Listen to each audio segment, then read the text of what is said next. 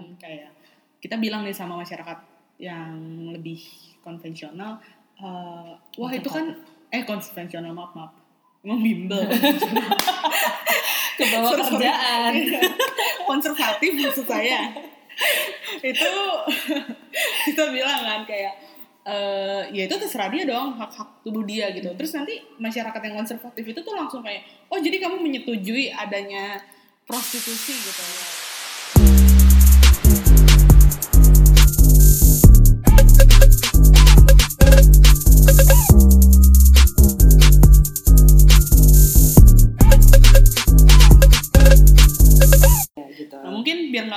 kenalan dulu kali ya. Oke biar biar akrab ya. Biar akrab. Eh coba dulu kaunya gue dulu dong. Gue throwing me under the bus banget ya. Oke gue Fanya. Eh gue sedang bekerja di by the time this podcast is launch mungkin gue sudah berada di tempat lain. Sebuah yayasan sebuah ya? yayasan. Sebuah sebuah NGO. iya, sebuah NGO tapi sekarang sih masih ada di yayasan. Sebuah yayasan. Yayasan di bawah eh edtech startup oke oke. Di oh kayaknya kita sekantor ya? Masa? Kok mirip industrinya? Gitu. Apakah kita sekantor? Kalau Rachel emang kerja di mana? Sama sih. Industrinya. Mirip-mirip lah ya tapi eh, nggak nggak kerja di yayasan gue Oh, iya. lebih ke apa namanya bisnisnya. Bisnisnya lebih ke bisnisnya gue lebih gitu. ke sana sih. Mm-mm. nah kenapa sih podcast ini ada karena eh, kita termasuk dua orang yang punya kita tertarik pada isu-isu tersebut gitu. Kalau Yang tadi ya, iya, yang yang tadi kita kita sebutin kayak misalnya gue sendiri, eh, gue sangat tertarik dengan isu-isu eh, kesetaraan seperti eh, jadi mungkin itu tidak tidak eh, mencakup dan tidak terbatas pada feminisme, LGBT seperti itu sih dan kesehatan eh, reproduksi gitu. Kalau Rachel sendiri gimana? Kalau gue sih sebenarnya banyak punya interest tuh banyak banget sih Hmm. cuman hal-hal kayak gini tuh di Indo menurut gue di kalangan-kalangan eh, masyarakat gitu itu masih kurang banyak eh, diperbicarakan dan kalaupun diperbicarakan tuh masih suka eh, misleading lah kayak suka Hmm. salah gitu kalau misalkan yang lain kan misalkan bisnis atau politik gitu eh, itu kan banyak banget nih yang Iya, ngomongin iya, dan iya. menurut gue udah banyak tuh pandangan-pandangan yang bagus atau beragam tapi masih membangun gitu tapi Iya, kayak isu-isu kayak gini tuh banyak banget misinterpretasinya setuju gak sih lo? Setuju, setuju banget. Iya kayak gitu makanya gue tertarik kayaknya seru juga nih ngobrolin uh, hal-hal kayak gini gitu. Iya, boleh, boleh, boleh. Nah, eh, melalui media ini, ini kan podcast nih milenial banget ya. Milenial banget. Benci gue sebenarnya pakai kata-kata milenial. Gue juga gak suka sih.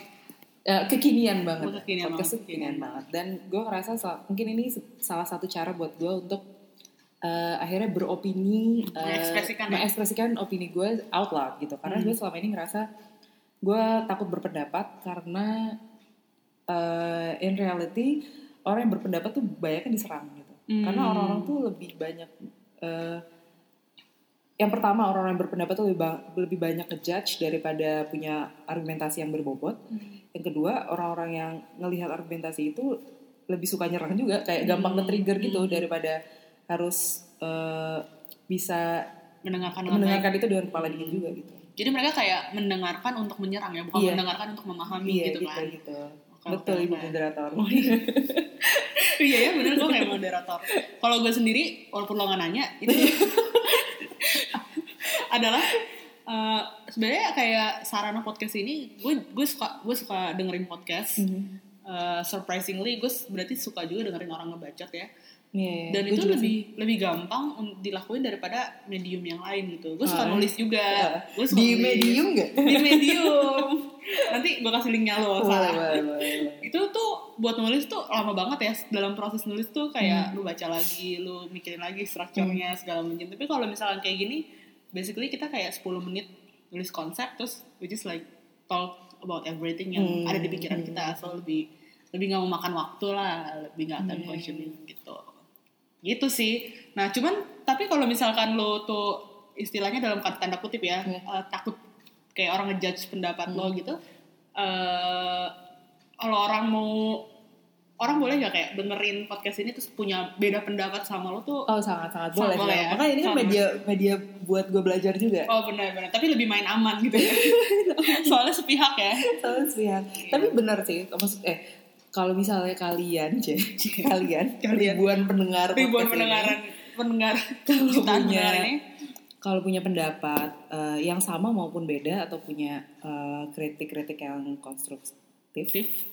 atau punya apa pun mungkin ide untuk apa sih topik apa yang harusnya kita omongin itu boleh banget sih kasih kita. gitu. Gimana tuh cara kasih? Nah, jangan lupa kalau misalnya kalian punya pendapat, kirimin pendapat kalian dan usulan kalian dan kritik kalian ke email kita di afterofficepodcast at gmail.com. bakal ada di bio kita juga. Ya, iya. Eh, di episode kali ini kayak yang udah eh, ditulis di judulnya, kita Hmm. bakalan ngobrolin tentang eh, case yang lagi kasus yang lagi in banget nih, Nya. Hmm, apa tuh? yaitu tentang eh, sebuah sebuah seorang seorang public figure eh, yang gue juga nggak tahu sebenarnya siapa sampai ditangkap ini. Masa sih? Gue nggak tahu sih, lu pernah lihat dia? Asli, gue sering banget lihat FTV-nya dia dulu. Oh, iya? Iya. Gak pernah gue, mukanya juga familiar banget sih, tapi gue nggak tahu gitu. Iya, karena itu karena karena di FTV. dia. Karena di FTV. Iya, nasi eh, mbaknya yang inisialnya eh, VA. Yang Merepet-merepet nama gue ya. bener VA NGA. yang lagi yang abis baru tertangkap ya. baru tertangkap. Ini kasusnya ini menarik banget sih. Karena eh kan dia dulu sempat awalnya pada bulan apa sih Desember ya? Hmm, Ya, yang dia tertangkap itu. iya. Ya, awal-awal dia Akhir tahun lah ya, akhir, akhir tahun, tahun lalu kan. Hmm. tertangkap kan itu geger banget tiba-tiba kayak ini ada kasus prostitusi online. Oh nggak nyampe akhir tahunnya. Ini gue baru baca berita aja nih. Apa sih? 5 Januari, 5 Januari. Pokoknya sekitar Januari awal atau Desember akhir lah ya intinya. Asli. Iya, Oh iya kan menjemput rezeki awal ini bener, 2019 ya. bener. Iya, Makanya jadi hashtagnya kan trending kan. Iya iya iya. Mungkin iya. ceritain dulu kali kronologinya. Jadi di awal tahun ini kan lagi marak banget nih kasus uh, prostitusi online. Jadi ada Hmm. salah satu figur yang Rachel nggak tahu sampai sekarang ini orang siapa Mhm. uh, tertangkap. Awalnya iya tertangkap dulu atas dugaan kasus prostitusi online. Mm-mm. Cuman terus uh, prosesnya lama banget tuh ditangkap terus diperiksa terus yang kayak sampai 8 jam di uh, Poldanya. uh, di poldanya. Hmm. Terus akhirnya sempat ada berita dibebaskan. Terus Hmm. akhirnya kayaknya akhir bulan Januari gitu Ditangkap lagi dia ditangkap ya? lagi benar-benar Hmm. kayak ditangkap gitu. Nah, ternyata waktu gue baca-baca itu dia ditangkap dijerat dengan pasal UU ITE. Oh gitu Heeh. endingnya. Oh yang terakhir tuh yang gue tahu adalah dia tuh dibebaskan karena eh, memang undang-undang kita tidak mem- tidak menghukum eh, pelaku, tapi menghukum eh, oknum atau orang-orang yang menjual mucikarinya. mucikarinya berarti. atau siapa pun yang dibalik penjualan eh, penjualan human trafficking gitu, apa pun Hmm, bentuknya gitu iya, kan. iya. Jadi dia di, dianggap korban gitu. Mhm. Nah itu juga gue baru eh, tahu tuh kalau misalkan ternyata dia sekarang udah ditangkap lagi dan ditetapkan sebagai Tersangka. eh, tersangka Iya. gitu. Gara-gara eh, UU ITE yang lagi hits juga Lagi, di aduh gila sih itu karena undang-undang. iya karena eh, ini kan banyak yang ditangkap juga. Iya. Maksud eh, Mas Dani lah, Iya. ya kan yang lagi, Akrab, Mas iya. Mas Dani, yang lagi yang sekarang juga lagi hot juga gitu. Iya, iya, iya, iya, iya. Aneh banget gak sih? Maksudnya dari awal aja gue udah nggak ini udah aneh banget gitu prostitusi online tapi ditangkap dengan pasal UU ITE. Kalau nggak salah pasal berapa? 27 ya? Iya, Ayat 27 satu. 27 ayat 1. Jadi emang eh, pasal 27 ayat 1 ini buat teman-teman yang belum tahu Mhm. penting banget nih kayaknya teman-teman buat cari tahu tentang si UU ITE ini Hmm. karena emang pasal ini tuh eh, agak apa ya debatable gitulah. Hmm. Agak kontroversi karena eh, in a way of dia tuh nggak jelas sebenarnya tuh tujuannya apa. Oke. Kan tujuannya dia mau melindungi katanya ya, mau Hmm. melindungi publik Hmm. dari eh, hal-hal kejahatan di internet gitu. Mhm. Tapi yang pertama tuh dia itu uh, UU ITE ini adalah dila, lo la- dilarang untuk me- menyebarkan, mempublikasikan atau mendistribusikan tentang uh, hal-hal yang kaitannya dengan asusila. Mhm. Terus yang kedua kaitannya dengan perjudian, Oke. sama yang terakhir kaitannya dengan pencemaran nama baik. Oke. Which is yang ketiganya tuh uh, bener-bener ambigu banget kan kayak Iya, iya. pihak Sangat mana karet yang, lah, ah, karet. yang mau dilindungi tuh yang mana gitu. Jadi intinya si Vanessa Angel ini terkait eh, terikat dengan pasal satunya yaitu adalah dia itu eh, apa seolah-olah dia itu kayak menyebarkan eh, konten-konten berbau asusila gitu konten-konten Hmm. eh, yang apa ya yang yang yang pornografi or something like that gitu Iya. gitu tapi menurut lo tuh eh, si Vanessa Angel ini salah atau nggak sih? Waduh, udah langsung diserangin ya dengan iya iya pertanyaan iya itu. iya dong Eh, well, kalau menurut gua harusnya ada banyak pihak yang eh banyak pihak yang sebenarnya bisa lebih ditangkap gitu loh, bisa Iya, lebih bener. ditangkap. Berarti ditangkap juga sih, sorry. Ditangkap juga kayak misalnya mucikarinya dan mungkin pelanggannya juga, ya kan? Hmm. oh iya iya iya dan sampai sekarang kita nggak tahu loh Nggak siapa tahu. pejabat Nggak yang tahu, cuma tahu inisialnya inisialnya R. orang Iya. Dan R tuh banyak banget. benar gitu. benar benar Apakah Roger? Apakah Rian? apakah apakah Ruben Apakah Nah, Ruben?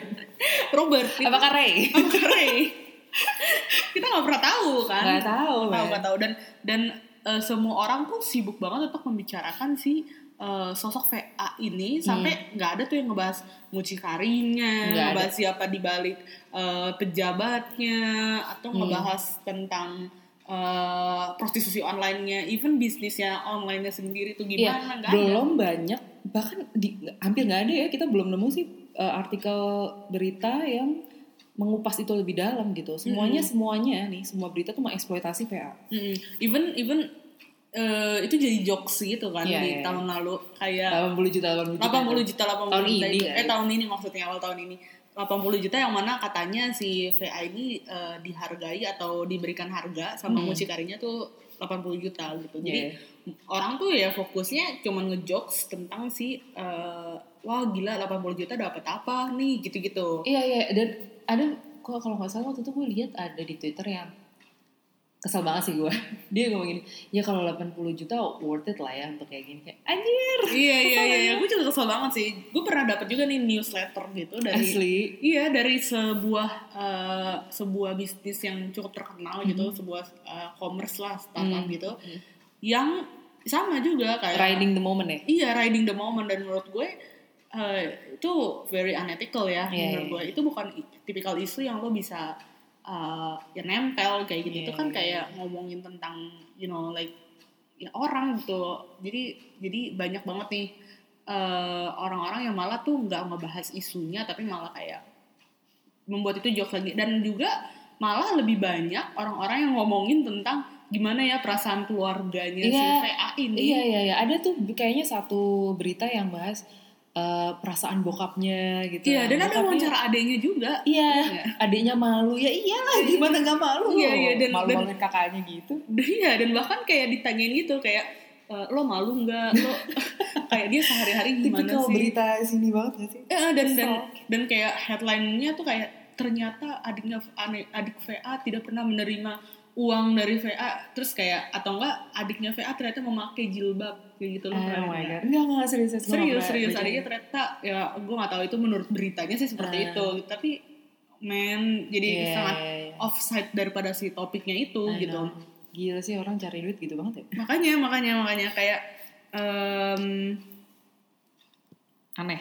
aneh banget aneh banget Tapi maksudnya dari penangkapan ini sendiri tuh sudah aneh gitu karena kayak yang gue baca ada di salah satu artikel di CNN Indonesia kayaknya itu dia ditangkap eh, dan apa terancam hukuman pidana maksimal 6 tahun itu karena melakukan komunikasi dengan mucikarinya dia dengan cara menyebarkan foto pribadinya. jadi itu yang tadi gue bilang Nah, gue penyebaran jadi fotonya itu kan yang di iya maksud spot.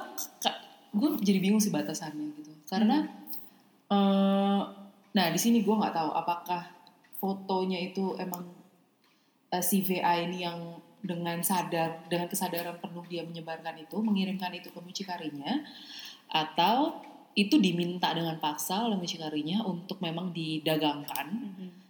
eh, terus kemudian disebarluaskan ke para pelanggan atau pembeli calon pembeli kayak gitu. Hmm. karena menurut gue kalau eh, itu diminta dengan paksa itu udah itu udah jelas salah gitu. Dan salah mucikarinya kan? Iya ada salah mucikarinya gitu. Karena itu udah jatuhnya eh, perdagangan juga kan? Mhm. trafficking. Trafficking juga. Nah tapi kalau misalnya eh, VA ini yang mengirimkan secara sadar. sadar dengan kesadaran penuh dengan memiliki kesadaran atas tubuhnya sendiri Hmm. dan dia memang uh, memilih ya quote unquote pekerjaan ini Hmm.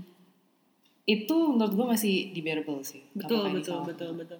Makanya itu tadi eh, terkait dengan pasal ini Hmm. itu menurut menurut gue sih nggak make sense banget ya karena make sense. ya even misalkan kayak lu punya cowok gitu misalkan lu pacaran terus kayak mau lu mau kirim kiriman Yeah. foto saling foto telanjang gitu ya whatever if it kayak both parties agree ya Iya. ya udah gitu tapi ini emang menarik banget sih eh, obrolan tentang ha- hak atas tubuh lo sendiri gitu di Indo gini masih sangat sangat eh, bisa banget di diargumentasikan gitu bisa banget didebatkan gitu. Soalnya banyak orang yang eh, banyak pandangan gitu di daerah-daerah di negara-negara timur gitu. Kalau misalkan ya emang nggak ada orang yang mau kerja sebagai pekerja seks. Hmm. nggak ada orang yang mau eh, bekerja nggak ada orang yang mau menjual dalam tanda kutip ya Hmm. diri kayak gitu. Nggak ada orang yang mau eh, jadi sugar baby atau hal-hal yang hal-hal yang digeneralisir orang gitu loh Iya, sebenarnya iya, iya. Ke- just because itu adalah hal yang nggak common gitu di Indo gitu sebenarnya kalau misalkan padahal kalau misalkan lo search di YouTube gitu kayak eh, sugar baby experience kayak Hmm. my journey as a sex worker kayak gitu gitulah Pasti ada. gitu. asli ada di luar negeri gitu Ah. kan kayak ada orang-orang yang enjoy untuk eh, menjadi eh, enjoy dan emang pilihannya sendiri untuk menjadi eh, sugar baby untuk menjadi pekerja seks atau eh, orang-orang yang kerja di industri pornografi gitu kan jadi talent talent di porn industry kayak Hmm. gitu Eh, dan itu nggak masalah sih menurut gue Iya, iya, iya. menurut lo juga nggak sih kayak Menurut gue ya, eh, gini, kita juga nggak bisa generalisasi juga itu salah atau enggak karena kan mungkin bisa aja eh, orang-orang yang misalnya bikin video di YouTube itu misalnya kayak Mhm. my experience as a sex worker misalnya. mhm, Eh, mereka merasa tidak ada yang salah dengan itu, tapi di balik itu kita nggak tahu apakah dia punya tuntutan sosial dan ekonomi di balik Betul, itu yang betul, dia tidak betul. ungkapkan kepada halayak umum gitu. mhm. Nah, menurut gue yang tidak salah, yang jelas menurut gue itu adalah kalau dia eh, melakukan itu karena itu eh, mewujudkan self actualization mereka gitu. Hmm. Lo tau ini gak sih eh, hierarki Maslow Hmm, hmm, hmm, hmm. of needs? Iya needs. Needs-nya Maslow. Kayak yang terakhirnya yang itu paling atas kan ada self actualization. Menurut gue selama kebutuhan dia di bawah itu di piramida itu kayak misalnya kebutuhan dasar pangan, security, uh, relationships and, and everything yang di bawah itu udah terpenuhi uh, dan dia tidak merasa kurang dan dia memilih untuk jadi sex worker atau dia menjajakan uh, tubuhnya menurut gue itu baru masalah. Tapi kalau masih ada eh, kebutuhan yang belum terpenuhi misalnya dia memang apa ya bekerja karena untuk cari makan atau eh, untuk lifestyle untuk memenuhi kebutuhan lifestyle dia itu eh, ada yang salah tapi itu bukan eh, semata-mata salahnya dia ngerti nggak karena itu peran negara juga ada Hmm. peran keluarga juga ada gitu Hmm. jadi itu kesalahan sistem menurut gue Hmm. kalau kayak gitu Jadi menurut lo kalau misalkan dia kerja uh, as a sex workers itu kok dengan sudah memenuhi kebutuhan primer dia, uh, it's totally fine. Tapi kalau misalkan dia tuh kerja karena kebutuhan yang tadi belum terpenuhi, Hmm. there's something yang mungkin bukan kurang buat salah juga tapi keliru gitu. Iya, Gitu, iya. gitu. ha. Gitu, gitu. Kalau gue sih agak beda sih Nya. Oke, gimana? Kalau gue sih eh, apa pun motifnya, Mhm. selama itu lo kesadaran sendiri dan tidak diperbudak, menurut gue nggak salah sih. Kayak Mhm. misalkan gue anak SMA gitu, terus gue sadar banget nih, gue emang pengen, eh, gue emang suka, eh, Mhm. gue suka, emang suka sama, gue emang suka melakukan seks gitu, Mhm. as as, dan itu dibayar gitu sama om om or siapa Mhm. gitu, eh, dan gue suka ya udah, dan dan it's my rights gitu. Iya, it's gue gue gue gue mempercayai itu bahwa itu Hmm. hak dia gitu. Hmm. Tapi yang gue lihat itu masalah di balik it- di di luar itu yang lebih besar gitu. Maksudnya ya itu tadi kesalahan sistemnya kayak Hmm. kenapa sih dia bisa sampai ada di posisi dia mau Hmm. eh, menjajakan dirinya gitu. Hmm. Kalau memang itu karena ada motif ekonominya, Hmm. itu menurut gue ya dia oke itu hak dia gitu Hmm. tapi tetap harusnya eh, gimana ya? Gue mau bilang negara bertanggung jawab juga enggak juga sih. Intinya kayak eh, harusnya itu bukan alasan utama gitu, iya iya iya. harusnya Hmm. itu bukan alasan utama. Hmm, hmm, hmm. emang bener-bener lo eh, ngerjain itu karena lo suka gitu. Hmm. berarti itu bukan sebagai sebuah berarti lo menganggap orang yang menjajakan tubuh itu adalah bukan sebagai sebuah profesi dong? Eh, ya bisa jadi sebuah profesi sih bisa jadi sebuah profesi bisa kan? jadi sebuah Kalau profesi gitu apa kalau bedanya? dia dengan dia kesadaran penuh nggak apa-apa sih ya kan Hmm. jadi kalau gitu sebenarnya nggak ada bedanya dong kayak sex worker yang lo benar-benar dari dalam diri lo lo pengen jadi sex worker untuk memenuhi kebutuhan lo Mhm. sama lo jadi pegawai swasta buat memenuhi kebutuhan lo sebenarnya Iya, sama iya, aja kan iya. iya kan budak-budak juga budak-budak juga sih sebenarnya maksudnya as long as lu saat ya kalau lu kalau menurut gua kalau itu emang buat memenuhi ekonomi lo tapi lo sadar sih ya that's fine gitu. Tapi gue tadi salah contoh sih. Kalau misalkan anak SMA mungkin mereka juga belum fully aware iya, iya, iya. tapi kalau misalkan kayak udah eh, kayak kalau ada salah satu novel yang si Dewi Lestari. Iya, iya. akar eh gue lupa sih. Itu Enggak, yang akar atau yang kesatria ya? Yang pertama ya? Iya, dia kan kayak alasan dia menjajakan diri, bukan menjajakan diri sih, dia emang ya emang eh, suka aja gitu sama eh, nggak menjajakan diri tuh seolah-olah kayak Iya. nih nih badan gue gitu Iya. loh. Ya, Kayak- iya apa ya bahasanya? apa ya bahasanya ya kayak intinya adalah eh, berbu- eh, berbuat eh, you know like Iya Making mau- love. iya, jadinya enggak bener sih dia prostitusi bener. bener, Dia sebagai prostitusi. iya kan? Iya. Ya dia kayak doing sex yang dibayar gitu lah. Iya. ha. eh, sesederhananya gitu karena dia melakukan itu alasannya adalah karena eh, dia merasa aset terbesar dalam tubuhnya Hmm. eh dalam dirinya adalah eh, pikirannya gitu Hmm. jadi satu-satunya hal yang nggak bisa dijual dari dirinya adalah pikirannya Nah, gitu iya. tapi kalau misalkan kayak cuman ngewe gitu Iya. atau apa pun ya itu menurut dia hal yang cheap aja gitu itu dia maksud gue. Nah, gitu. di dalam gue tahu sih ini sangat ekstrim dan fiktif juga ya. ya fiktif tokohnya. fiktif. Itu kan di dalam cerita itu kan dia eh, tidak ada beban kondisi ekonomi juga kan dia Oke. orangnya model tajir banget kan Mhm. udah kayak supermodel dan Mhm. kayak dia punya segalanya tapi dia tetap memilih untuk jadi itu. Nah, itu maksud gue. Oh dia ju- just, just, just because I love it aja kayak Iya. gue pengen aja gitu Hmm. menarik sih menarik sih itu POV-nya menurut menurut jutaan pendengar kita yang lain apakah kalian kayak eh, merasa eh, ya pokoknya tapi one thing that we agree on adalah eh, itu adalah hak hak Ya. hak semua orang ya Hak apa pun di sini kan perbedaan gue sama Fanya cuman kayak eh, kalau lu melakukan itu untuk apa gitu Iya, kan iya. tapi tetap kita setuju kalau misalkan Karena apa bukan untuk Eh iya, karena apa gitu. Tapi kita tetap setuju bahwa intinya adalah tubuh kita adalah hak kita, Hak kita sendiri. Kita terserah aja mau ngapain Iya. terhadap tubuh kita gitu kan. Dan eh, yang gue sayangkan dari kasus VA ini jadi banyak banget orang-orang yang menghujat juga gitu gak sih, Cong? Bener, bener, bener. Si VA-nya menghujat Iya, si VA dan keluarganya itu yang tadi kan. ha. Hmm. Just because dia yang namanya terekspos di publik dan bukan mucikarinya dan bukan pembelinya, terus jadi banyak banget orang yang merasa berhak untuk eh, jadi polisi moral. Hmm. Ya gak sih? Lo ngerasa gak sih? Bener, bener. Setuju, setuju, setuju banget. Kayak eh apa ya? Apa ya? Kayak misal kayak mereka tuh merasa ya tadi sih yang mereka tuh nggak ngerti eh, bukan nggak ngerti sih kayak eh, masih misinterpret gitu sama eh, konsep dari ya itu sexual workers itu sendiri sama orang yang pengen menjajakan diri gitu kan jadi ya langsung aja tuh banyak kayak orang-orang yang gue lihat sih kayak komen-komen di Instagramnya gitu Iya. kayak yang kayak langsung merasa kalau diri lo tuh emang paling alim dan lo berhak untuk ngekotbahin atau kayak iya, iya. ngasih tahu what's right and what's Militan wrong. ya, militan militan banget. ya itu gue kayak sampai gue pernah nge-tweet gitu yo Aja. Tuh tweet. tweetnya? gue nge-retweet sih sebenarnya ya itu kita lebih militan untuk eh, menelanjangi itu mempermalukan eh, orang-orang yang berpros ada di industri pro- prostitusi Hmm. baik baik sadar maupun terpaksa Hmm. dibandingkan dengan orang-orang yang punya kejahatan yang lebih gitu Kayak koruptor koruptor ya. gitu kan atau atau ya rezim yang zolim ya pokoknya benar-benar udah merugikan banyak orang gitu Iya, iya, iya. publik masyarakat gitu dibanding tapi kita lebih lebih sibuk aja ngurusin Hmm. eh, ya satu individu yang sama sekali nggak ada hubungannya sama kehidupan kita gitu Iya, menurut iya. gimana Setuju gue.